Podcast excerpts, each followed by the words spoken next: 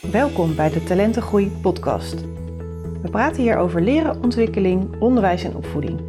Mijn naam is Karen Dijkstra en in deze podcast ga ik in gesprek met auteurs, coaches en andere experts die anders denken en doen als kinderen leerproblemen hebben op school. En hierbij kijken naar kwaliteiten en talenten in plaats van tekorten. Positief en praktisch. Met deze podcast krijg je inspiratie, nieuwe inzichten en tips, zodat jij een kind vanuit talent kan helpen groeien. Welkom Linda in uh, de Talenten Groei podcast. Superleuk dat jij uh, hier bent. En uh, ik zou zeggen, zou jij jezelf even willen voorstellen? Ja, tuurlijk. Ja, dankjewel als eerste. Ehm, mijn naam is Linda van Valkenhoef. Ik ben in-house coach bij een IT-consultancyorganisatie. En daarnaast heb ik mijn eigen uh, coachpraktijk. En daarin begeleid ik dertigers naar meer regie, balans en energie. En daarnaast ben ik moeder van twee prachtige kinderen. Een dochter van acht en een zoon van vijf. Ja, heel leuk dat je in de podcast bent. Um, we hebben ongelooflijk veel haakjes, zal ik maar zeggen. Jouw dochter zit op de school waar mijn kinderen ook op hebben gezeten. Uh, nou, we houden ons allebei bezig met um, persoonlijke ontwikkeling in verschillende leeftijdsgroepen, uh, weliswaar, maar daar zitten ook weer heel veel parallellen. Um, jij bent net als ik vrijwilliger bij Ouders Lokaal, waarbij wij uh, workshops verzorgen voor ouders als ouder eigenlijk, hè? dus niet als, uh, als professional, maar daar komen we straks ook nog wel uh, even op, denk ik.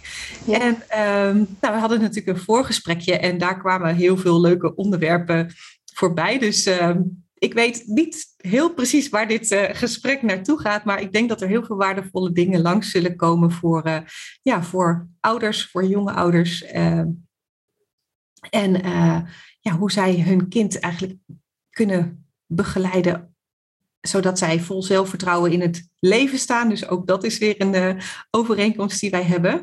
Want jij hebt dat op een hele leuke manier gedaan met jouw dochter. Zou je daar wat over willen vertellen? Ja, tuurlijk. Ja, vanuit mijn uh, eigen coachpraktijk uh, probeer ik elke werkdag in ieder geval zichtbaar te zijn op LinkedIn. En zo had ik een keer een post gedeeld over een schilderijtje wat ik voor haar had gemaakt. Um, ik wil haar graag wat meer zelfvertrouwen geven, dat ze wat zelfverzekerder mag zijn over zichzelf. En ik had daarvoor um, de cirkel van invloed als basis genomen. En dat houdt in dat, uh, dat ik haar wilde laten zien waar heb je zelf invloed op. Dus waar moet je je druk op maken en waar heb je ook geen invloed op. En waarom hoef je je niet druk te maken. He, dus als voorbeeld van, um, nou, stel ze dat ze kleren aan heeft die ze niet leuk vindt. Nou, daar kan ze zich druk op maken. Dan kan ze gewoon aangeven, joh, ik wil wat anders aandoen. Maar heel erg boos worden of gefrustreerd zijn omdat het buiten regent. Ja, het verandert helaas niet als ze heel erg boos is. He, dus door dat in zich mee te geven, um, dat ze zich kan richten op de dingen waar ze wel invloed op heeft. Mm -hmm. Nou, en daaromheen heb ik uh, uh, een uitwerking gemaakt van de zeven stappen van Kofi, van effectief leiderschap. Mm-hmm. En die heb ik vertaald naar, nou ja, in mijn woorden, naar kindertaal. Um, en dat had ik heel leuk in een lijstje voor haar geknutseld. Mm-hmm. En uh, nou, dat ging zo ontzettend viral dat we echt een kwart miljoen mensen daar wow. naar hadden gekeken. Heel veel downloads, heel veel reacties van mensen. Um, aan de hand daarvan een gastcollege bij haar op school gegeven. Waardoor ik ook haar klas kon meenemen in ja, dat hele denkproces. En mm-hmm. hele leuke discussies met die kinderen heb gehad. Um, dus een groep 4 was dat overigens. Dus dat is, mm. tussen ja, 7, 8 jaar. En, um, en nu ook inderdaad bij Ouders Lokaal een workshop uh, gaan verzorgen binnenkort. Ja. ja. ja. En wat drijft jou zo om, da om daarover uh, dat te willen delen? Mooie vraag. um, nou, ik vind het gewoon heel erg belangrijk dat, dat er meer positiviteit eigenlijk is. Dus dat uh, voor mijn kinderen dat ze mogen bewegen vanuit zelfvertrouwen. Niet, ja, ja, dat eigenlijk vooral. Ja. vanuit zelfvertrouwen hun leven tegemoet mogen treden met de keuzes die ze daarin kunnen maken. Mm -hmm. Dus ook het, uh, de verantwoordelijkheid erbij neerleggen om te kijken van goh, waar, inderdaad, waar heb je invloed op? stel je wil later profhockeyster worden. Nou, prachtig doel. Maar weet ook dat daar een weg aan vooraf gaat. En welke Mhm. stapjes moet je daarvoor gaan nemen? Ehm, en hoe kunnen we dat eventueel ondersteunen? Uh, maar gewoon die inzichten door dat neer te leggen bij de kinderen en te weten waar ze zelf grip op hebben. En wat ze daar zelf aan kunnen doen om dingen te kunnen bereiken. Um, zorgt ervoor dat ze ook zelfvertrouwen van krijgen.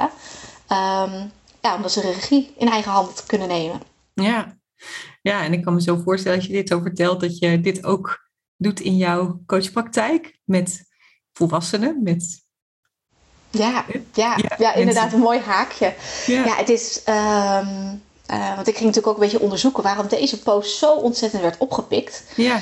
En dat is eigenlijk omdat um, dingen waar wij als volwassenen ook tegenaan lopen en ook de onzekerheden die we daarmee hebben, Mhm. die in begrijpelijke taal werden uitgelegd. En daardoor sloeg dat zo ontzettend aan. Mhm. Maar inderdaad, in, hè, in mijn coachpraktijk, waarin ik dan vooral dertigers begeleid, Mhm. um, zij worstelen eigenlijk met dezelfde vraagstukken. Mhm. Wellicht op een iets hoger niveau op een, an- van een andere orde. Ja. Maar die hebben ook misschien, misschien nog steeds wensen van... goh, ik wil een bepaalde carrièrepad belopen, maar ik weet niet zo goed hoe. Of ik wil uh, uh, nou ja, eigenlijk alle keuzes, ook in alle dingen, die je, al die ballen die je hoog moet houden... het balanceren daarvan. Um, hè, en dat is natuurlijk ook weer de, de blik eigenlijk dan als ouder die je kan hebben. Als, als jonge moeder of jonge vader. Of jong, maar in ieder geval van jongere kinderen. Mhm. Dat is eigenlijk meer uh, wat ik bedoel. Um, hoe hou je nou de balans in een gezin en met je werk en met alle dingen die je in je leven doet? En hoe zorgen dat je er volledig kan zijn voor je kinderen in de tijd dat je niet aan het werk bent? Ja, dat zijn natuurlijk best wel wezenlijke vraagstukken die, uh, ja, die bij veel mensen spelen. Ja, ja super mooi. En um, die cirkel van invloed die heb je al uh, mooi toegelicht. Ik denk dat we ons daar ook veel bij voor kunnen stellen. Uh, zou je nog wat willen toelichten over de, de zeven eigenschappen van Kofi? En dan ja. inderdaad vanuit de kindertaal. Ik, ik weet niet of jij ook iets aan het pakken bent. Ja, het is natuurlijk audio weer, maar ik heb hier de zeven eigenschappen die jou succesvol maken. Dat is voor, uh, voor tieners. En je hebt ook hè, de uh, zeven eigenschappen van Happy Kids van Sean Covey. En ja. uh, dat is waarschijnlijk ook de basis. Ja, nou inderdaad, dat laatste boek wat je noemde, hè, dus de, sef, uh, de, ja, de, de, kijk hoor, hoe die de voorkant heet inderdaad, de zeven mm. eigenschappen van Happy Kids. Ja. Is geschreven door de zoon van ja. Covey, ja. hè, de, de, bekende Covey van effectief leiderschap. Ja. Um, ik kende dat boek overigens niet voordat ik dat lijstje maakte. Oh, dus ik grappig. heb het lijstje gemaakt echt op basis van mijn eigen woorden van de oorspronkelijke Kofi-methode. Ja. En later, nou ja, door al die, die feedback die ik kreeg op die post, ontdekte ik dus dat er ook een kinderboek van was. Oh. En uh, nou ja, dat boek heb ik uiteraard ook gekocht en uh, mijn kinderen laten lezen.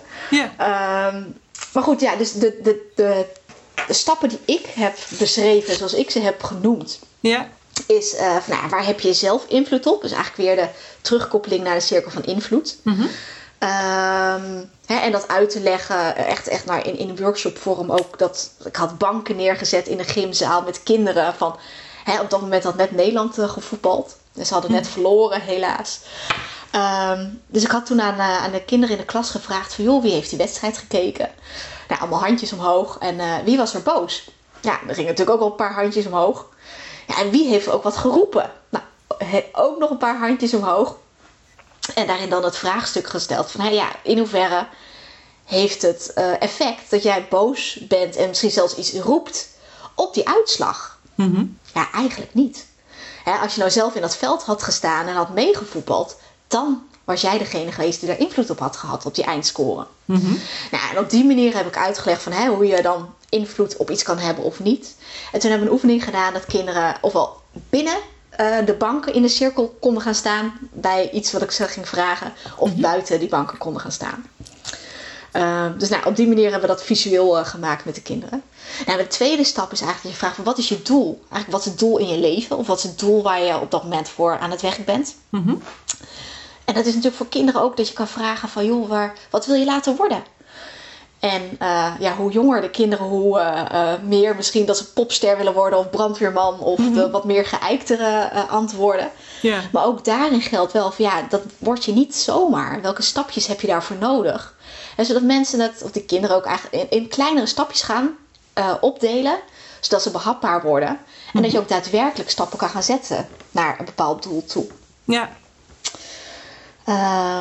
Ehm, ik weet niet of je wilt dat ik ze allemaal even langs ga hoor. Ja, dat vind is ik wel probleem. leuk. Ja, ik denk dat dat... Uh, nou, en dan heb ik dat derde van hè, begin met het belangrijkste. En daarmee bedoel ik eigenlijk, en dat is een beetje eigen belang als ouder, als moeder. als de kinderen thuiskomen, dan gooien ze heel graag de rugzak in de hoek. Mhm. dan komt de broodtrommel er niet uit en de, en de drinken niet, het drinken dingetje niet. Ja, weet je, het liefst heb ik dus thuiskomen. Dus eerst dat opruimen voordat ze lekker gaan spelen. Anders dan moet ik die zeurende moeder zijn die het zes keer moet vragen. Dat is voor mij niet fijn. En voor de kinderen eigenlijk net zo goed niet. Nee. Dus daarmee is het ook van ja, begin eerst met de dingetjes die belangrijk zijn, die je toch al moet doen. Dus Ja. als ze wat ouder zijn, begin met je huiswerk. Voordat je lekker gaat spelen of gaat computeren of wat dan ook. Hè, dus om die mindset mee te geven. Mhm. Ja, wat is nou belangrijk? Wat moet als eerste? Wat heeft eigenlijk de prioriteit op dat moment? Ehm, stapje 4. Hoe kan iedereen winnen? Ja, dat is ook zo leuk. Hè? Als, we, als we één tablet hebben en twee kinderen. Ja, Hoe zorg je nou dat je daar geen strijd in hebt? En mijn dochter heeft dat eh, op, op LinkedIn in een heel mooi filmpje heeft dat toen de tijd een keertje uitgelegd. eh, naar aanleiding van die post die zo eh, viral ging. En zij zegt van, nou, als je allebei op de tablet wil, ehm, dan kan je ook kijken van, nou, misschien is er nog een computer in huis. En dan kun je afspreken wie gaat als eerste op de tablet en de andere op de computer. En daarna draai je om. En dus dan heb je allebei iets wa- waardoor je wint. En ja, dat was haar kinderuitleg. Heel inventief, ja. Maar het gaat er inderdaad om, stel, ehm, ja, er moet gewoon verder worden gekeken dan het eigen belang. Van hè, wat is het belang van de andere partij, hè, als je het in volwassen taal eh, omschrijft. En hoe kan je ervoor zorgen dat iedereen eigenlijk uit die situatie haalt wat hij zou willen halen. ja. Hè, dus ik wil dat mijn kinderen gezond eten. Nou, zij hebben dan geen zin in groenten. Ehm, dat je dan zegt, nou, je hoeft niet je hele bordje, maar je moet op zijn minst zoveel hapjes hebben gegeten of de helft op hebben of zoiets. En dan heb je beide toch een soort van je zin, niet helemaal, maar toch kom je elkaar dan tegemoet. En Ja. dat is dan eh, wat ik daarmee eh, bedoel. Mhm. Ehm, nou, stapje 5 is eerst luisteren en begrijp ik het. En daarna pas gaan praten. En dat is, eh, hè, dus als ik dan vraag van doe even je schoenen uit. En dan komt het een ja maar.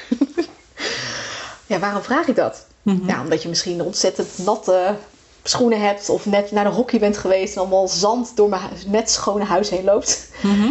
Ehm, hè, dus in plaats van meteen eh, eh, een weerwoord te hebben van waarom, waarom vraag ik het eigenlijk? Hè, ervan uitgaande dat ik dingen niet vraag om je te pesten. Ja. Als wel om nou ja, gewoon dingen eh, op een goede manier door te laten lopen. En dat is voor twee kanten. Hè. Ook als ouder zijnde. Als een kind zegt van joh, eh, ik heb het koud. En je zegt het is koud. Nee, dat kan niet, want ik heb de verwarming aanstaan.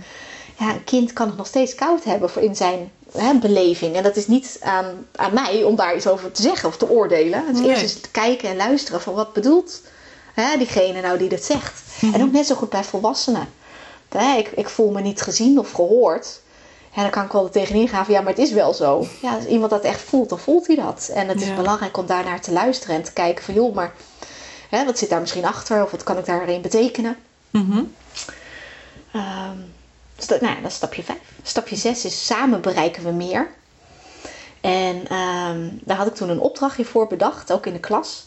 Met allemaal eh, verschillende kleuren kraaltjes. En als je dan zegt, wel, eh, ehm, één kind die moet al die kraaltjes sorteren op kleur.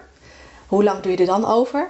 Of je gaat met een groepje kindjes ga je, eh, die kraaltjes uit, uitzoeken. En iedereen die doet zijn eigen kleurtje. Ja, hoeveel sneller ben je dan klaar? Hè, dus, eh, met een team kan je veel meer bereiken. Alleen een huis bouwen is moeilijk. Maar met heel veel mensen kan je wel sneller een huis neerzetten. Mhm. En dat is ook dat, dat eh, ehm, nou ja, voor kinderen, dat ze daarin de samenwerkingen mogen opzoeken, hulp mogen vragen. Eh, maar ook voor volwassenen. Je hoeft niet alles alleen te doen. Als je iets niet weet, zoek dan iemand erbij die dat wel weet. Of die dat juist nog misschien wel beter kan. Mhm. Zodat je met elkaar een sterk team wordt. Ja. Nou, en als laatste eigenlijk, zorg goed voor jezelf. Hè? Dus eh, eh, dat in eh, grote mensentaal houden zaag scherp. Ehm, maar zorg dat je niet alleen maar eh, ehm, als volwassene door blijft rennen. Hè? Dus zorg ook voor je ontspanning. Ja. En dat is vooral bij dertigers is dat een, een uitdaging. Want die, ja, die, willen, die, die, die hebben zoveel dingen die ze willen doen. Ja. Hè, de fear of missing out. Ehm, ja, als ik niet naar een festival ga, als ik niet s'avonds uitga, als ik niet dit doe, als ik niet dat doe, ja, dan mis je misschien iets. Die angst. En die zorgt er ook voor dat je altijd maar door blijft rennen. Terwijl het net zo goed heel belangrijk is om gewoon een keer een pas op de plaats te nemen. Gewoon lekker een avondje op de bank. Ehm, een rondje lekker wandelen in de natuur. Ja, ook belangrijk, natuur is, uh, geeft weer energie. Mhm. En ook voor kinderen. Hè, die hebben zulke volle agenda's. Als ik het vergelijk met mijn eigen leven van vroeger. Ja. Ehm, ja, is het gewoon belangrijk dat ook zij de tijd krijgen om gewoon zich te vervelen. Mhm. En dat is als ouder misschien ja, ook niet altijd leuk, want ik weet niet wat ik moet doen. Mhm. Ehm, maar goed, uiteindelijk is het belangrijk voor het kind ook. En dat staat ook zo mooi in dat boek eh, Happy Kids. Mhm. Ehm, de oplossing van verveling zit in het kind zelf. En die Mhm. ontdekking is ook al wat waard. Ja. Als wij als curlingouders dat altijd maar eh, gaan invullen, ehm, ja, daar, daar, daar geven we ze minder mee dan als we het ze leren dat ze zichzelf mogen vermaken of dat daar de verantwoordelijkheid bij hunzelf zit. En als mijn zoontje zegt, ik weet niet waarmee ik moet spelen, en ik zeg, eh, nou, ik kan met de Lego of met de, met de treinbaan of noem het op. Mhm. Ehm, en hij zegt van, nou, dat wil ik allemaal niet. Dan benoem ik ook echt van, joh, dat, jouw hoofdje, die weet wat het antwoord is. Ik Mhm. weet het niet. Nee. En ik kan van alles verzinnen, maar ja, jij moet het antwoord vinden in jouw hoofd. Ehm, en daarmee geef je de regie ook weer aan de kinderen terug, zonder dat ze het buiten zichzelf gaan plaatsen. Ja. Dus ja, dat zijn eigenlijk een beetje de stappen in kindertaal. ja, heel mooi. Nou ja, kindertaal eh, werkt ook vaak goed voor, voor volwassenen. Jazeker. Dus eh, ja, soms zit, het zijn het hele mooie eh, modellen of ehm, methodieken. Maar ja, je moet het eigenlijk zo maken dat, dat iemand het heel makkelijk in de praktijk kan, eh, kan vertalen. En hè, je zegt in kindertaal, maar het is niet kinderachtig, zeg maar. ik. Zeker niet. Nee, het Dus, zijn eh, eh, wezenlijke onderdelen. Ja, zeker. En oh, maar wat grappig, want ik heb inderdaad die reactie gezien, volgens mij dat iemand dus zei van, oh, ken je dat boek? En ik was even kwijt of je daar wel ja of nee, of misschien heb je dat toen niet gezien, maar ja. En kwam het overeen ook met wat er in het boek stond, zeg maar? Of, eh, Ja, het weer- wordt in het boek wordt het nog veel meer toegespitst op kinderen. En hoe je ook het gesprek kan aangaan met kinderen. Met een, eh, een stukje een ouderhoek staat er dan na elk hoofdstuk. Dus dan Ja. wordt er eens een onderdeel besproken. Aan de hand van een heel leuk verhaaltje wat voor kinderen begrijpelijk is. Mhm. En dan na zo'n hoofdstuk staat er een, eh, een ouderhoek. En daarin staat wat meer achtergrondinformatie over zo'n stap. Mhm. Maar ook hoe je de discussie of het gesprek met je kind kan aangaan daarover. Ja. ja. Dus het is iets uitgebreider dan hoe ik het zelf ooit eh, bedacht had. Ja. Ehm, dus het is een hele mooie aanvulling eigenlijk daarop. Ja, ja superleuk ook dat je dit eh, nou ja, in workshopvorm voor andere ouders gaat, eh, gaat aanbieden. Ja, staat die workshop al gepland? ja hij staat op 3 februari staat hij ingepland. Oké, 3 februari 2022 wordt dat dan. Ja. Dus bij ouders lokaal, dus als luisteraars daar eh, interesse in hebben, dan eh, kunnen ze denk ik dat opzoeken via de site van Ouders Lokaal. Ehm, Zeker. En als aanvulling, het is een digitale ouderslokaal workshop. ah, Oké, Dus ook voor mensen die eh, verderop in het land wonen, die kunnen gewoon lekker aanhaken. ja. ja, want wij wonen allebei in Beeldhoven dan. Dus, maar door het digitale gebeuren kan iedereen eigenlijk aanhaken. Dus dat is, dat is heel Ja. leuk. Mooi. Ik zal eh, ook ehm, kijken of als er een linkje is, eh, of ik die kan toevoegen aan de eh, tekst onder de podcast. Maar ehm, dat komt vast wel, ja. En komt dit op dagelijkse basis bij jullie in huis langs? Of hoe, hoe doe je dat in de dagelijkse Nou ja. praktijk? Nou, soms wel. Eh, ehm, hè, dus als die tas dan toch even in de hoek wordt gegooid. ja. En dan probeer ik dat wel weer terug te pakken ehm, naar het lijstje, omdat ze die hebben besproken. En omdat ik het op een rustig moment heb besproken, waarin eh, zeg maar ook de, de gedachtegang bij haar eh, helder was en, en wat ermee bedoeld wordt, Mhm. kan ik op een moment van dat er iets meer strijd of stress eigenlijk in de situatie is, Mhm. kan ik daar naar terug eh, ver- verwijzen. Ehm, waardoor zij ook vanuit de juiste energie snapt wat ik bedoel. En niet Mhm. zozeer omdat ik het vraag om haar te pesten. Mhm. Hè, maar omdat het is, van, nou ja, als je met het belangrijkste begint, ehm, nou ja, dan hoef ik daar niet meer, mee, eh, niet meer over te gaan zeuren. En dan kan je daarna lekker de dingen doen die je wilt doen. Hè, dus Ja. vanuit die hoedanigheid eh, pak ik hem af en toe wel eens terug. Ja. Ehm, dus ja, ja, op die manier. Ja, mooi. Nee, maar dat is heel mooi als basis dat je het hebt besproken en dat je inderdaad dan er eigenlijk heel makkelijk naar kan, kan verwijzen. En ik denk super waardevol als kinderen dit eh, op jonge leeftijd al meekrijgen, zodat eh, nou ja, dat hun hele leven al mee kunnen nemen. Het is wel grappig, want die uh, zeven eigenschappen van Kofi die uh, kwamen bij mij ooit langs, omdat mijn man een uh, management, of, of hoe noem je dat, zo'n traineeship deed. En daar kwam het langs. En toen dacht ik, oh nou, pff, weer zo'n model. Of, en later toen kwam dus eerst inderdaad bij mij langs ehm, dat boek, ook van Jean Kofi, dus voor de tieners, zeg maar. Oh, het ja. is de Seven Habits of Highly Effective Teens. Uh, alles wat je ouders je niet vertellen, staat er ook bij.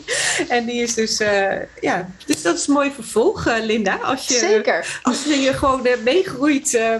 Hey, ja, en, wie weet. die wordt nog weer wat, wat uitgebreider, nog weer op, op de verschillende onderdelen. Dus met andere voorbeelden. Ja, want dus, ik richt me nu ook wel alleen op, in die workshop op ouders met basisschoolleeftijd. Mm ja. Dus het is inderdaad wel goed dat je zegt, nou, dit zou dan weer het mooie vervolg erop kunnen zijn. Weet. Ja, ik groei gewoon mee. Ja, ja zo gaat het toch? Ja, helemaal leuk. Ja, mooi. En um, um, nou, dit geeft jezelf als ouder natuurlijk ook handvatten om nou ja, goed met je kind te communiceren toevallig. Eh. nou, niet toevallig heb ik daar ook al een uh, aantal uh, gasten over gesproken, over hè, communicatie met je kind. Maar ik denk dat dit ook een heel mooi, concreet voorbeeld is. En um, jouw zoon is wat jonger. Hè, dus, um, ja. En ja, kan je hem ook al meenemen daarin of is dat nog lastig? Nou, ik vind het wel mooi inderdaad. Het is een haakje naar communicatie. Uh, want uh, onze zoon die zit op speciaal onderwijs. En uh, op een cluster 2 school. En cluster 2 houdt in dat je uh, nou, moeite met communicatie hebt. Mm zijn spraak kwam heel laat op gang. Dus ze zijn al vrij vroeg kwamen bij een logopediste terecht. En daar is het balletje gaan rollen. Waardoor hij nu op een hele goede plek zit. Waar hij met veel begeleiding werkt aan zijn communicatie, aan zijn spraak en, uh, en uitspraak en alles. Mhm. Ehm, maar doordat hij natuurlijk nog niet in verbale taal kon communiceren, mhm. ehm, werd er op school ook uh, gebarentaal bij hem geleerd. Hm. En hebben wij als ouders daar ook enigszins nou ja, cursussen in gedaan. En dan merk je ook dat taal is veel meer dan alleen woorden. En vooral als je een jong kind hebt wat nog niet kan spreken, dan leer je vanzelf zeg maar lichaamstaal veel meer af te lezen. Mm want hij probeerde echt wel op zijn manier dingen duidelijk te maken. Nou, inmiddels is hij vijf en praat hij dusdanig goed dat hij dingen nu verbaal allemaal kan aangeven wat hij bedoelt. Mm Alleen zijn zinnen zijn nog steeds niet uh, uh, heel erg lang of zoals uh, van, van, een ander kind van vijf jaar. Mm um, maar goed, hij heeft, hij heeft in ieder geval heel wat stappen daarin al gezet. Maar dus ja, qua communicatie is dit voor mijn zoon. Um, ik kan het verhaal zeker voorlezen. Ik denk ook zeker dat hij het begrijpt. Mm ja, alleen uitvoering is dan bij hem weer net op een wat andere manier. Ja. Ja, en heb je daar al een, uh, een situatie in meegemaakt dat je kan schetsen hoe je dat hebt gedaan? Um, samen met hem, nou in ieder geval qua communicatie, um, hebben wij veel dingetjes nu bijvoorbeeld voor hem getekend. Dus in mm picto's dat we gaan uh, communiceren, zodat het duidelijk is dat het helder is wat de stapjes zijn van bijvoorbeeld het ochtendritueel. Mm hè, dus aankleden, tanden poetsen, nou, al, al, die dingen. Naar beneden, boterhammetje eten. Mm um, dus dat, gaf hem aan de ene kant houvast. Aan de andere kant maakt het ook uh, niet zozeer met gesproken taal als wel visueel zichtbaar wat dan de stappen zijn die, uh, ja, die, die we met elkaar gaan doen. En elke ochtend hetzelfde. Mm Dus voorspelbaarheid uh, neem je daarin mee en zorgen dat het voor hem ja, het bekende riedeltje is, waardoor hij weet waar hij aan toe is. Mm Ja, mooi. En um, ik weet niet of je dit wilt delen, maar in het voorgesprek hadden we het ook even over jouw zoon. En um, hè, dat jij zei van ja, als ouder kom je, heb je een uh, ja, bepaald idee hoe het zal gaan met je kinderen. En dat, ja, doordat jullie merkten van nou, ehm, ja, hij ontwikkelt zich anders hè, dan de andere kinderen. En uh, uh, dat hij nu ook op een speciaal onderwijs zit. Dat uh, ja, je, hoe zeg je dat? Je, je zienswijze een beetje verandert. En ook in hele praktische zin. Je had een, voorbeeld um, over het vervoer, zeg maar, hè, naar school. Ja, ja, ja ik, ik wel delen in de podcast hoor. Maar... Ja hoor, ja. Nee, het is natuurlijk als je, ehm, als, uh, als je zwanger bent van een kindje, dan doe je daarin, in ieder geval deed ik daarin mijn onderzoeken, hè, of het kindje goed groeit en of het mhm. gezond is en dat soort dingen. En uh, nou ja, als het kindje eruit komt, dan hè, na de bevalling, dan krijg je een APCAR-score. En dan zodra het allemaal tienen zijn, dan uh, nou ja, word je zeg maar gefeliciteerd en gaat je leven als moeder zeg maar verder beginnen. Mm Ehm, dus tot, tot twee jaar hadden wij niet in de gaten dat onze zoon een andere ontwikkeling zou doormaken dan een nou ja, zogezegd regulier kind. Mhm. Ehm, hij ging laat lopen, maar goed, dat viel nog allemaal binnen de normen van wat nog enigszins zou kunnen. Mhm. Ehm, hij ging laat praten, maar goed, als je dat in je omgeving zegt, dan hoor je iedereen heeft wel een neef van een oom, van een tante, van een, nou ja, mhm. ergens in, in zijn omgeving. Iemand die ook laat ging praten en dat ze daar, daarna, daarna allemaal helemaal vloeiend waren en dat het allemaal goed zou komen. Maar goed, dus je hebt altijd een verwachting als je een kindje krijgt. En je, je wens je kind het beste toe. Ja. En daarbij heb je als ouder, denk ik, toch altijd wel een beeld voor ogen. Um, hoe je hoopt dat het leven van je kind gaat verlopen. Mm En daarmee bedoel ik een regulier pad. Hè, waarin het gewoon op zichzelf kan gaan wonen. Uh, uh, zometeen een leuke baan heeft. Wellicht een partner tegenkomt. Uh, misschien een gezin start. En nou ja, hè, zeg maar een beetje het pad volgt als wat je zelf waarschijnlijk ook hebt doorlopen. Ja. Um, als dan blijkt dat je kindje daar in één keer van afwijkt van dat pad, dan heb je daar als ouder ook best wel een, een soort van shift in te maken. Hè? Dus het is, het is, eigenlijk een beetje vergelijkbaar met een. Uh, dat klinkt heel zwaar, maar zo kan je het wel vergelijken met een rouwproces. Hmm. Want je moet afstand nemen van uh, het beeld wat je ooit hebt gehad voor je kind. Ja. Nou, en daarmee krijg je eigenlijk voor jezelf ook wel een heel waardevol inzicht. Want het is uiteindelijk het leven van je kind. En het is niet mijn leven wat ik probeer te projecteren op hem. Ja. En dat is een, een proces waar je doorheen gaat als je tot de ontdekking komt dat je kind uiteindelijk naar nou ja, speciaal onderwijs in ons geval gaat. Mhm. Ehm, maar ook voor welke andere beperking dan ook. Um, je hebt je, je, uh, uh, je beeld of je toekomstbeeld bij te stellen. Mhm. En je gaat daardoor veel meer ook naar het nu kijken. Hè? Want als ik kijk hoe blij mijn zoon nu is, mhm. heeft hij helemaal geen klagen. Ehm, en is het meer wat wij als ouders misschien als normaal betitelen of vanuit de maatschappij of opvoeding hebben meegekregen, in plaats van hoe hij naar zijn leven kijkt. Mm Want hij is gewoon blij. Hij is gezond. Hij doet het goed, hij ontwikkelt zich. Weliswaar op een andere manier, maar hij ontwikkelt zich wel. En, uh, en is het zo dat wij nu veel meer kijken van hoe zit hij in zijn vel? Wat heeft hij op dit moment nodig van ons qua extra ondersteuning? Is dat mm logopedie of fysiotherapie of wat dan ook? En dan gaan we dat regelen. Ja. En we kijken gewoon echt stap voor stap. In plaats van dat we nu zorgen maken over de toekomst, die we mhm. toch nog niet weten, kunnen we veel beter naar het nu kijken. En hoe kunnen we nu met onze kennis en kunde van nu helpen. En daardoor kan je het als ouder ook niet fout meer doen. Mhm. En dan heb je, anders heb je daar veel meer het gevoel bij van ja, uh, ik weet niet waar die terecht komt. Moet ik nu al, uh, weet ik veel, dat hij in een huis kan begeleid kan gaan wonen? Mhm. Ja, hij is vijf. Ik weet het niet. Nee. Hè? En laten we gewoon nu kijken waar hij nu aan toe is. En, ja. um, en dat was ook wel de eerste keer dat je je kindje. Um, dus hij was drie toen hij uh, voor het eerst naar een voorschoolse behandelgroep ging. Mm -hmm. dus waar hij uh, begeleid uh, zou worden in zijn spraakontwikkeling.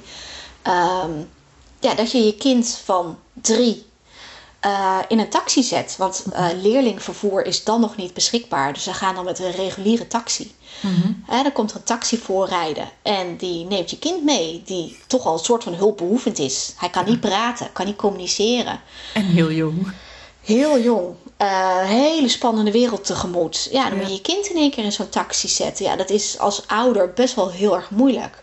En ook voor je kind. Maar ja, je wil daar ook sterk blijven staan. En het vertrouwen geven aan je kind dat hij dit kan. Mm maar zo hebben we ook wel eens gehad dat hij op school... Um, want elke taxirit werd door een andere chauffeur gereden. Mhm. Ehm, dus elke rit had hij een ander gezicht voor zich. Dus qua vast, hè, hou vast was er echt nou ja, niet zoveel. Nee, dat er een taxi ehm, kwam, maar dat was het eigenlijk. Ja, en soms was er dus ook wel eens een taxichauffeur die de school niet kon vinden.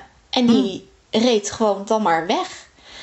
En dan moet je maar als ouder regelen dat, uh, dat er alsnog uh, weer een goedkeuring komt vanuit de zorgverzekeraar. Maar eerst een half uur in haar wacht hebt gehangen. Dat zij een akkoord geven voor een nieuwe rit, dan gaat de taxicentrale gaat dan aan de slag voor je. En dan wordt er gekeken welke chauffeur het dichtst bij is. En dan een half uur daarna krijg je pas een rit aangeboden. Dus zo'n jochie zit dan na een hele schooldag, drie jaar.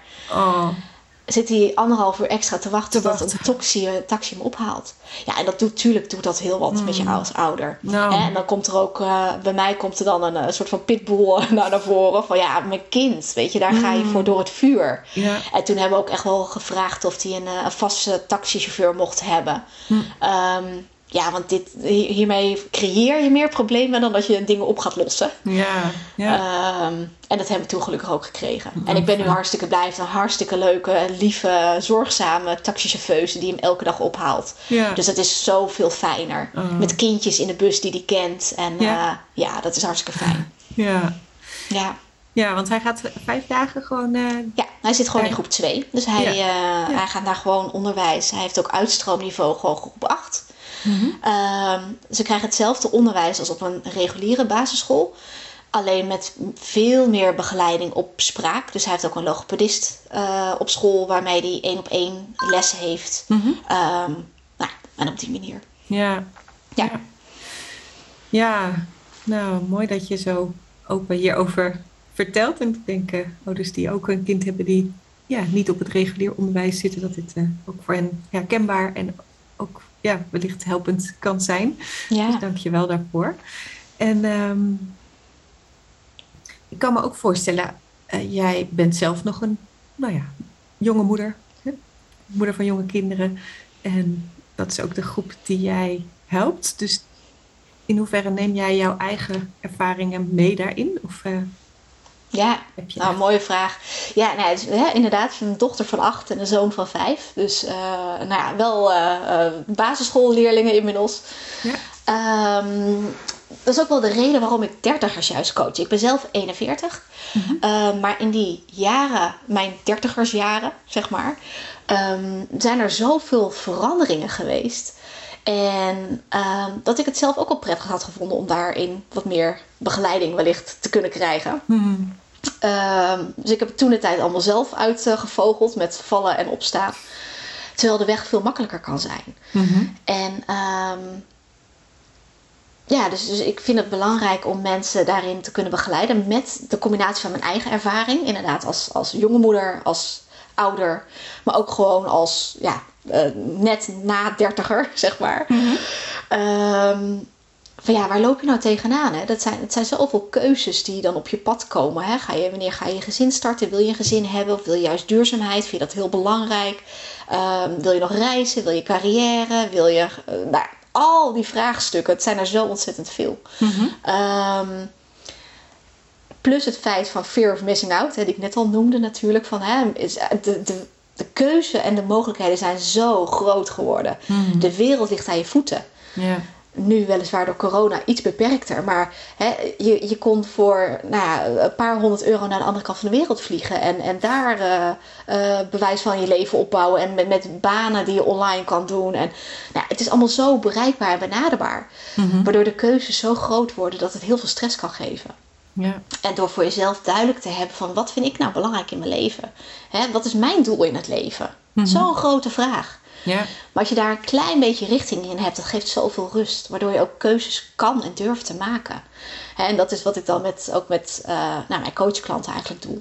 Dus echt kijken van, wat zijn nou jouw waarden? Wat vind jij heel belangrijk in je leven? En hoe kun je daar invulling aan geven? Ja. Um, hè, dat kan in elke baan. Dus een klein stukje ook over mezelf. Ik heb uh, uh, hospitality management gedaan, gestudeerd. Dus een hoge hotelschool. Mm -hmm. En ik kwam, uh, nadat ik afgestudeerd was, was het heel moeilijk om een baan te vinden in die tijd. En toevalligerwijs rolde ik de IT-detacheringswereld binnen. Hm. Niet voor gestudeerd, maar ja, ik ben heel mensgericht. En ja, daar werken ook mensen. Dus dat ja. ging een goede combinatie. Uh, dus nou ja, en da daar, daar heb ik een paar jaar in gewerkt. dacht van ja, is dit nou eigenlijk wat ik wil? Echt puur dertigers dilemma. Van ja, hè? Hm. En ook ja, als ik nou hier te lang in blijf werken, heb ik dan niet zometeen een probleem om weer terug te gaan naar een andere branche en weer terug die hotellerie in. Mm -hmm. uh, heel veel onzekerheden. Hm. Dus ik, ik stopte mijn baan en ik ben uh, in een andere branche gaan werken. Meer gekoppeld aan mijn uh, opleiding.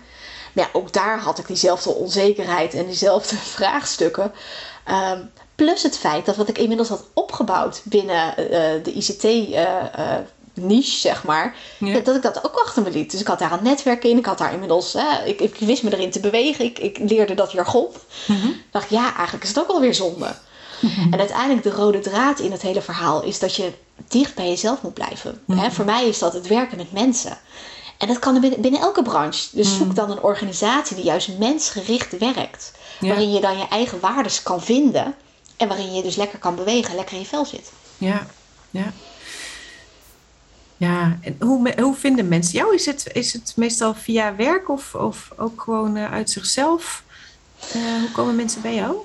Uh, nou, ik ben dus zelf in-house coach bij een IT detachering of consultancyorganisatie. Dus die mhm. mensen die vinden mij rechtstreeks omdat ik daar gewoon op kantoor rondloop en ik ze ja. benader echt voor hun persoonlijke ontwikkeling, persoonlijk leiderschap. Ja. En mijn klanten die benader ik, of die vind ik eigenlijk vooral via LinkedIn. Hm. Uh, omdat ik in uh, coronatijd ben begonnen met mijn praktijk. Hm. Ehm, een klein stukje ook achtergrond. Ik werkte natuurlijk dus al als in-house coach. En ging kijken waar werd ik nou heel erg blij van. Wat gaf mij energie. Mm -hmm. En dat is vooral begeleiden en coachen van mensen. Dus vandaar dat ik uh, heb besloten om één dag minder te gaan werken.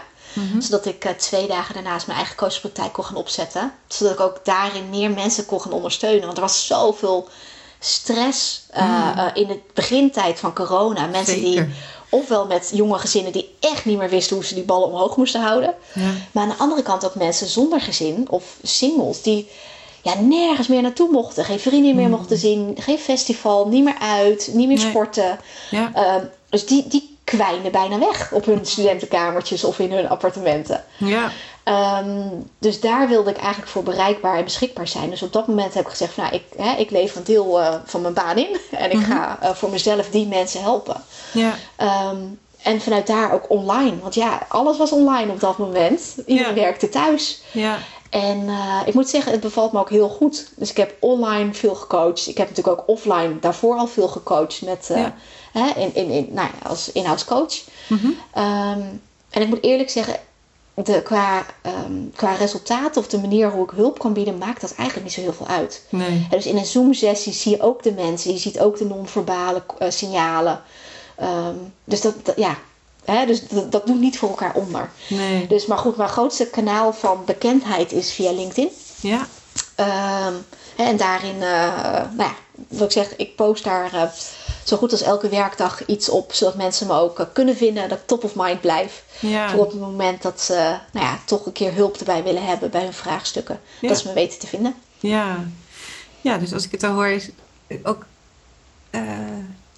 een combinatie van werkgeluk. Um, hè, dus inderdaad kijken waar je blij van wordt. En, Zeker. ja. Dat meer doen of daarin zoeken ja, en ik denk ook als je. Het, het, is inderdaad van hoe geef ik invulling aan de dingen die mij drijven, die mij mm -hmm. energie geven.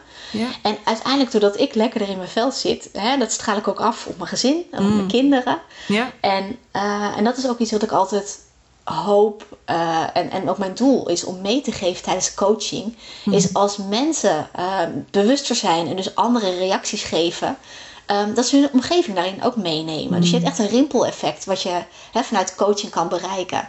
He, om een voorbeeld te geven. Um, ik wil het heel graag goed doen. Dus ik ben best wel perfectionistisch. Mm -hmm. Dus ik wil gezond koken, ik wil schoon huis, ik wil het goed doen op mijn werk, ik wil het goed doen voor mijn kinderen.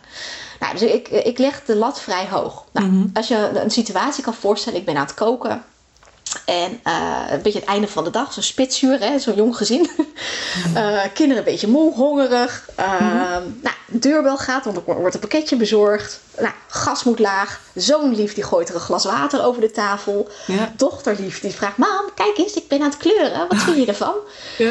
He, dus alles komt tegelijk. En het liefst wil ik alles ook op dat moment eigenlijk beantwoorden. Of he, dat mensen zich gezien voelen. Mm-hmm. Maar dat gaat niet. Nou, wat gebeurt er dan in een primaire reactie? Zou ik echt zeggen, ja. En dan begin ik uh, vanuit een, uh, um, een soort stressvollere reactie zou ik geven. Zou ik zeggen, je ziet toch dat ik bezig ben. Mm-hmm. Wat een hele menselijke reactie is. Maar als je daar op een rustiger moment over nadenkt, mm-hmm. geef je daarmee het signaal af naar je kind van ik wil jou niet zien. In ieder geval op dat moment niet. Ik, hè? ik ben bezig, dus ik wil jou liever even op dit moment niet zien. Ehm, met als gevolg dat het kind wellicht de volgende keer dus het niet gaat vragen of een onzekerheid opbouwt. Van ja, ja mama die is druk. Want ja, mama is altijd. Hè? In een jong gezin ben je eigenlijk altijd wel druk. Ehm, hè, dus je geeft een heel verkeerd signaal daarmee af. En door daar bewust van te worden, hè, dus middels coaching, ehm, weet je van wat zou een helpende of een betere reactie kunnen zijn. En dat is, tuurlijk wil ik de tekening zien. En dan zeg ik of joh, ik ben nu aan het koken, want ik vind het belangrijk dat we zo meteen lekker gaan eten. Mhm. En ik wil ook jouw tekening zien. Dus maak hem eerst lekker af. En dan ga ik daarna, als we hè, aan tafel zitten, dan wil ik hem graag helemaal bekijken. En dan kan je uitleggen wat je allemaal hebt gemaakt. En dan heb ik ook de tijd voor je, want ik vind dat mhm. belangrijk. Mm dus dan, heb je nog steeds wel het feit dat je die tekening wil bekijken en niet zo snel, snel tussendoor hoeft te doen. Mhm. Ehm, en het kind voelt zich wel gezien en gehoord en in zo'n situatie, ja, dan draai ik gewoon het gas laag nu. Geef ik mijn zoontje een doekje. zeg ik tegen mijn dochter, ik, ik ga hem zo meteen met jou rustig even bekijken, want ik wil hem mhm. zien. En dan doe je de deur open. Ja. het, maar het is maar gewoon net hoe je daar, als je weet dat er meerdere reactiemogelijkheden zijn, ja. Um, daarmee behoud je de, rust in je gezin. Ja. En dat is eigenlijk hetgeen wat ik al die ouders uh, toewens ook. En die kinderen ook, want die gaan het ook weer meegeven aan hun kinderen en aan hun omgeving. Absoluut, ja. Ja, mooi. Heel mooi voorbeeld, uh. En ook heel herkenbaar, denk ik. en in die zin, kijk naar mezelf, uh, een leven lang leren. ik ben me ook van dit soort dingen bewust. En toch gebeurt het een keer. Ik uh, het laatst mijn jongste dochter die wilde haar fiets uit de schuur halen. En ze had haar rugzak half over haar schouder hangen. En ehm, op een soort laag kastje stonden wat glazen potjes die naar de glasbak moesten. Dus, en ik zag haar die fiets manoeuvreren langs de andere fietsen. En ik zag die rugzak. Dus ik probeerde haar te waarschuwen. Maar zij zag dus natuurlijk niet wat er gebeurde. En ik had net niet even de klik om eigenlijk te zeggen: stop je rugzak of zoiets. Dus nou, klabam, de potjes die gingen over de vloer. En ik wilde dus niks ergens aan die potjes. Maar het was toch even van. Zo'n momentje. En nou ja, al drie seconden later dacht ik, ja, Karen, waarom nou? Weet je. maar goed, dat was in het moment dat je. Het gaat ook zo snel, je ziet het gebeuren, eh, et cetera. Maar goed, dan heb je ook weer de kans om, het, uh, om te zeggen, nou, ik reageerde even zo, maar dat was niet mijn bedoeling. En uh, die potjes, dat geeft niet. En het was ook nog namelijk, ik stond op het punt om met de hond uit te gaan.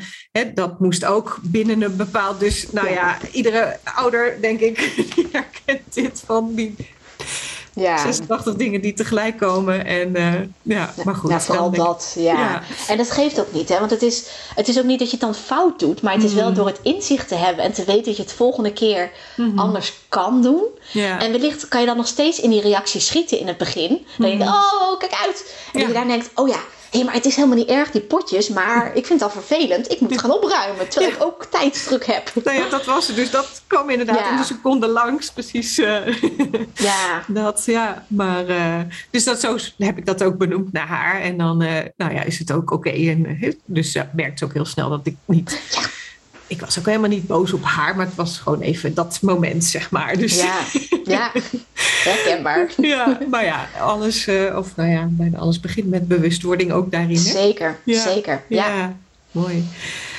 Ja.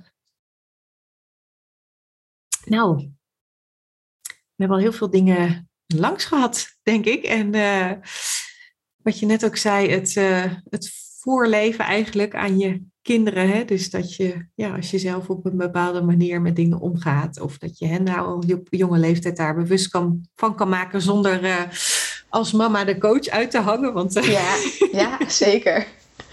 hè, maar uh, het zijn gewoon hele mooie dingen die je, die je mee kan geven, zodat je denk ik ook heel veel dingen op latere leeftijd kan, kan voorkomen. Want ja, ook als ik naar mezelf kijk, denk ik, ja, hè, ik heb ook in mijn nou ja, werkpad, zal ik maar zeggen, op een gegeven moment ook aangevoeld van nou, dit voelt niet meer goed. Hè? Ik, ik, wel het, het gebied waar ik bezig was, hè, dus werken met ouders en kinderen, maar de manier waarop ik dat moest doen, daar werd ik toch echt niet zo blij van. En hè, dan kan je denken, nou, ik moet maar doorgaan, want nou ja, hè, het, uh, ik heb een baan en daar mag ik blij mee zijn. Of uh, hè, ik wil werken, want.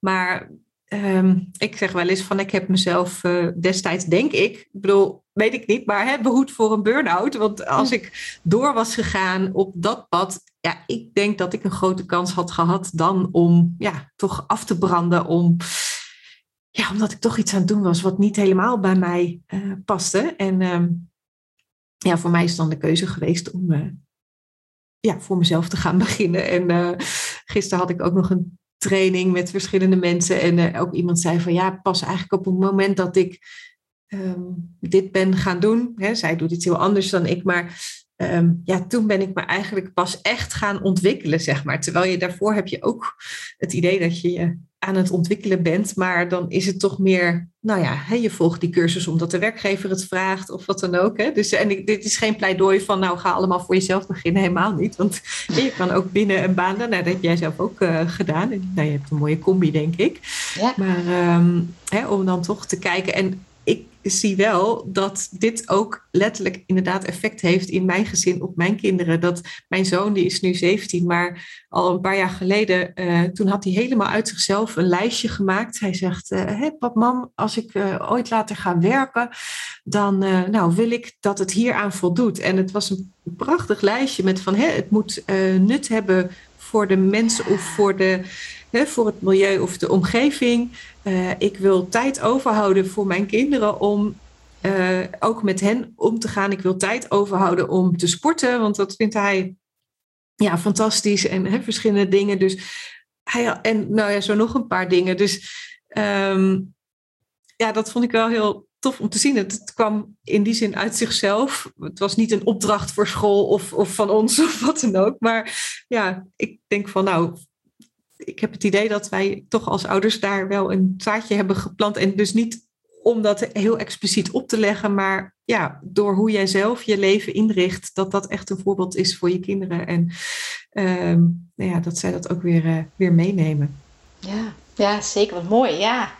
ik, ik merk ook echt wel dat die generatie, um, ik weet niet precies of, of dat dan de vanaf welke leeftijden dat inmiddels loopt hoor. Maar mhm. zeg maar na de millennials, dus de, jongeren die daarna zijn gekomen, dat die zo bewust al zijn. Hè? Mhm. En wat ik inderdaad over, die zijn zoveel meer bezig met, met duurzaamheid, met behoud van de aarde. En dat is zo mooi. En uh, ja. ja. ik omarm dat alleen maar. En wat fijn om te horen dat je dan hè, vanuit je, je waardes hebt gekeken ook. Hè, van waar mhm. jij uh, energie van kreeg. En waar je dus ook geen energie van kreeg. En dat je die stap hebt gemaakt. Want heel veel mensen blijven er toch in hangen. Mm -hmm. um, en die leven eigenlijk, hè, dat, dat is heel vervelend om te horen. Maar die leven het leven van een ander. Mm hè, die proberen aan verwachtingen te voldoen van hun omgeving. In plaats van dat ze echt naar hun gevoel, gevoel. luisteren. Ja. Hè, want je lichaam geeft het al veel vroeger al aan. Maar dat wordt allemaal genegeerd. Want het is mm. inderdaad ik heb deze baan nu, moet ik dat nou opzeggen? Nou, precies wat jij zei. Mm. Um, terwijl het is je eigen leven. Hè? Het is uiteindelijk, je moet zelf de slingers ophangen. Ja.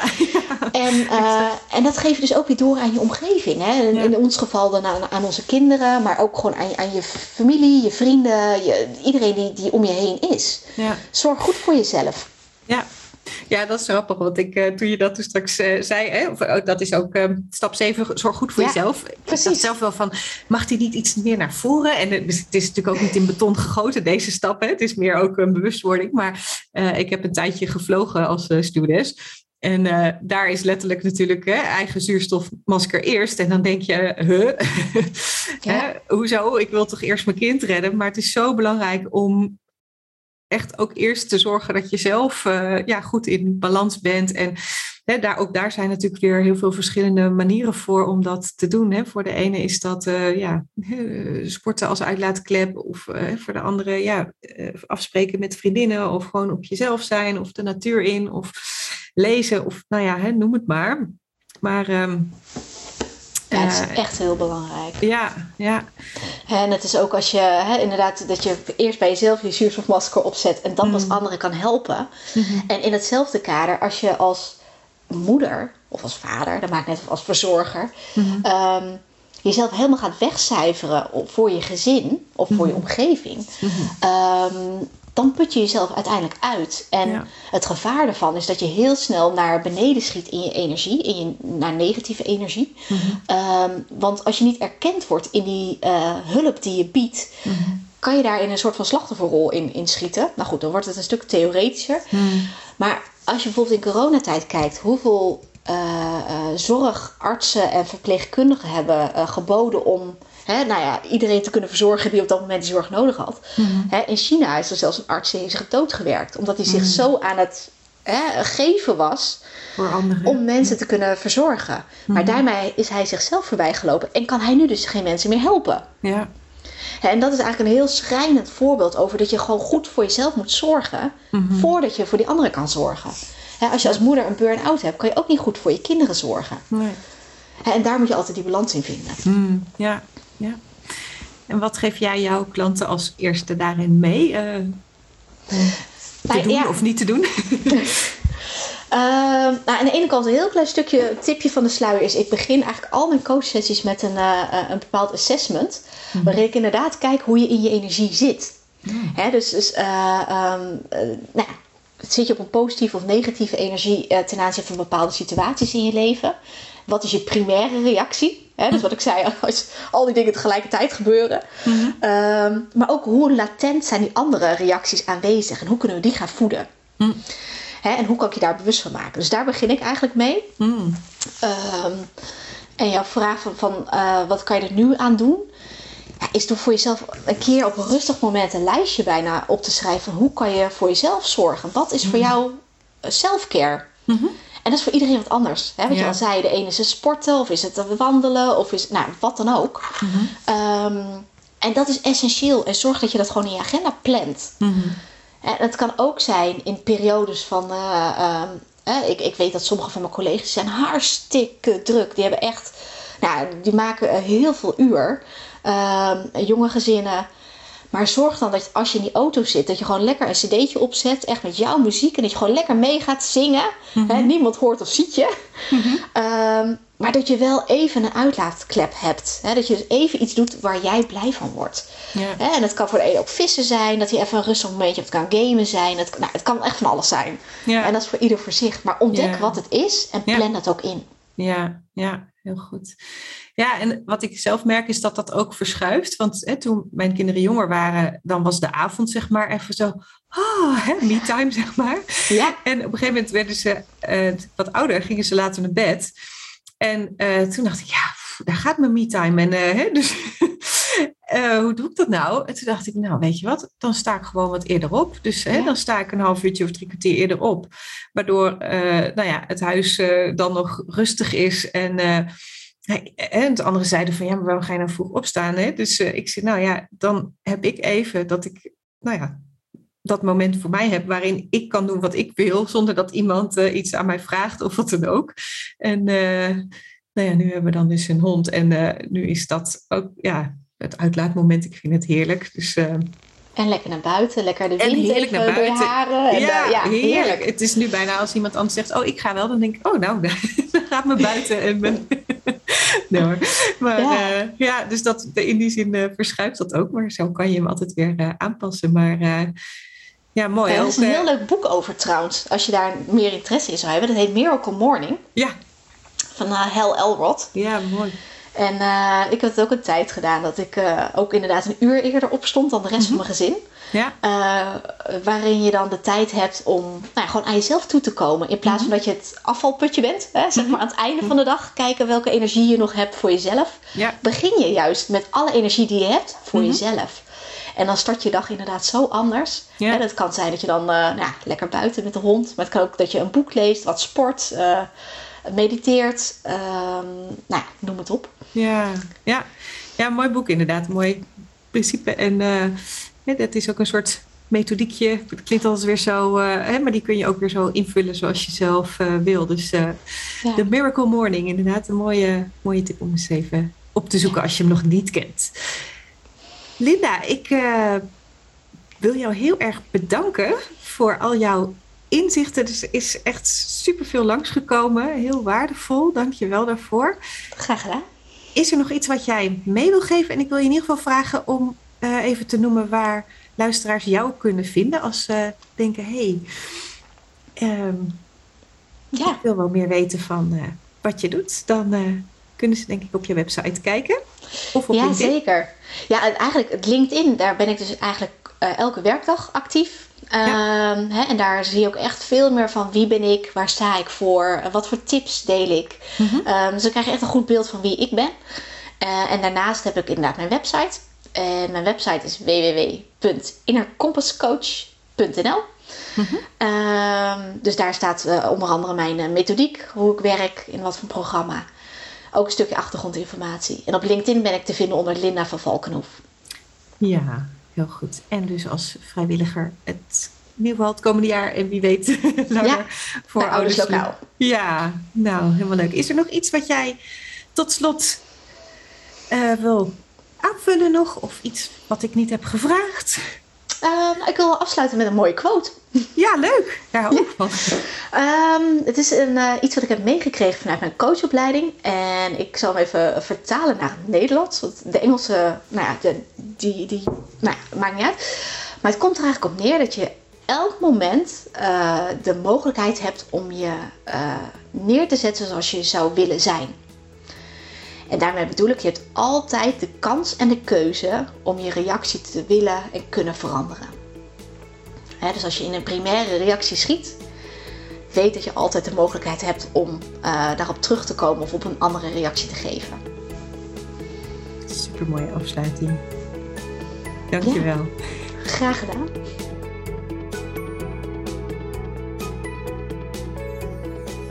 Dankjewel voor het luisteren naar deze aflevering.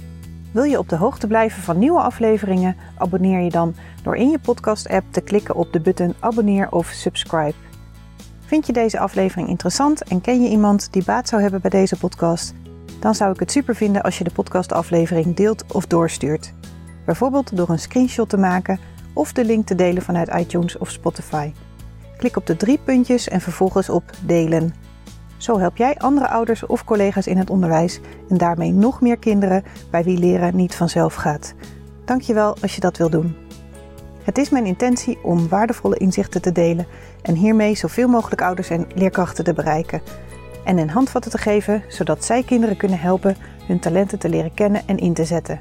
Zodat ieder kind weer met plezier en vol zelfvertrouwen naar school gaat. En zij als kind en als volwassene kunnen leren en leven vanuit talenten. Ondersteun je mijn missie? Geef mijn podcast dan bij reviews bijvoorbeeld 5 sterren en als je wil ook een geschreven review. Dit kan heel makkelijk in jouw podcast-app. Loopt jouw kind of leerling vast op school en heb je het gevoel dat het anders kan? Lees dan mijn boek In 10 stappen leren vanuit talent. Ik zou het leuk vinden als je het bestelt via mijn website, maar het is ook te koop via alle boekhandels of te leen in de bibliotheek. Ik vind het altijd leuk om berichtjes te ontvangen van jou als luisteraar om te horen wat je van een aflevering vindt of als het je een bepaald inzicht heeft gegeven. Stuur me dan even een mailtje via karen.talentengroei.com of een persoonlijk bericht via LinkedIn of Instagram. Zoek op Karen Dijkstra. Karen is met een E. En talent en groei, dan kan het niet missen. Dit kan uiteraard ook als je een vraag of suggestie hebt. De audiobewerking van deze podcast is verzorgd door Jeroen Sturing. Ik kijk alweer uit naar een volgende podcast. Graag tot dan.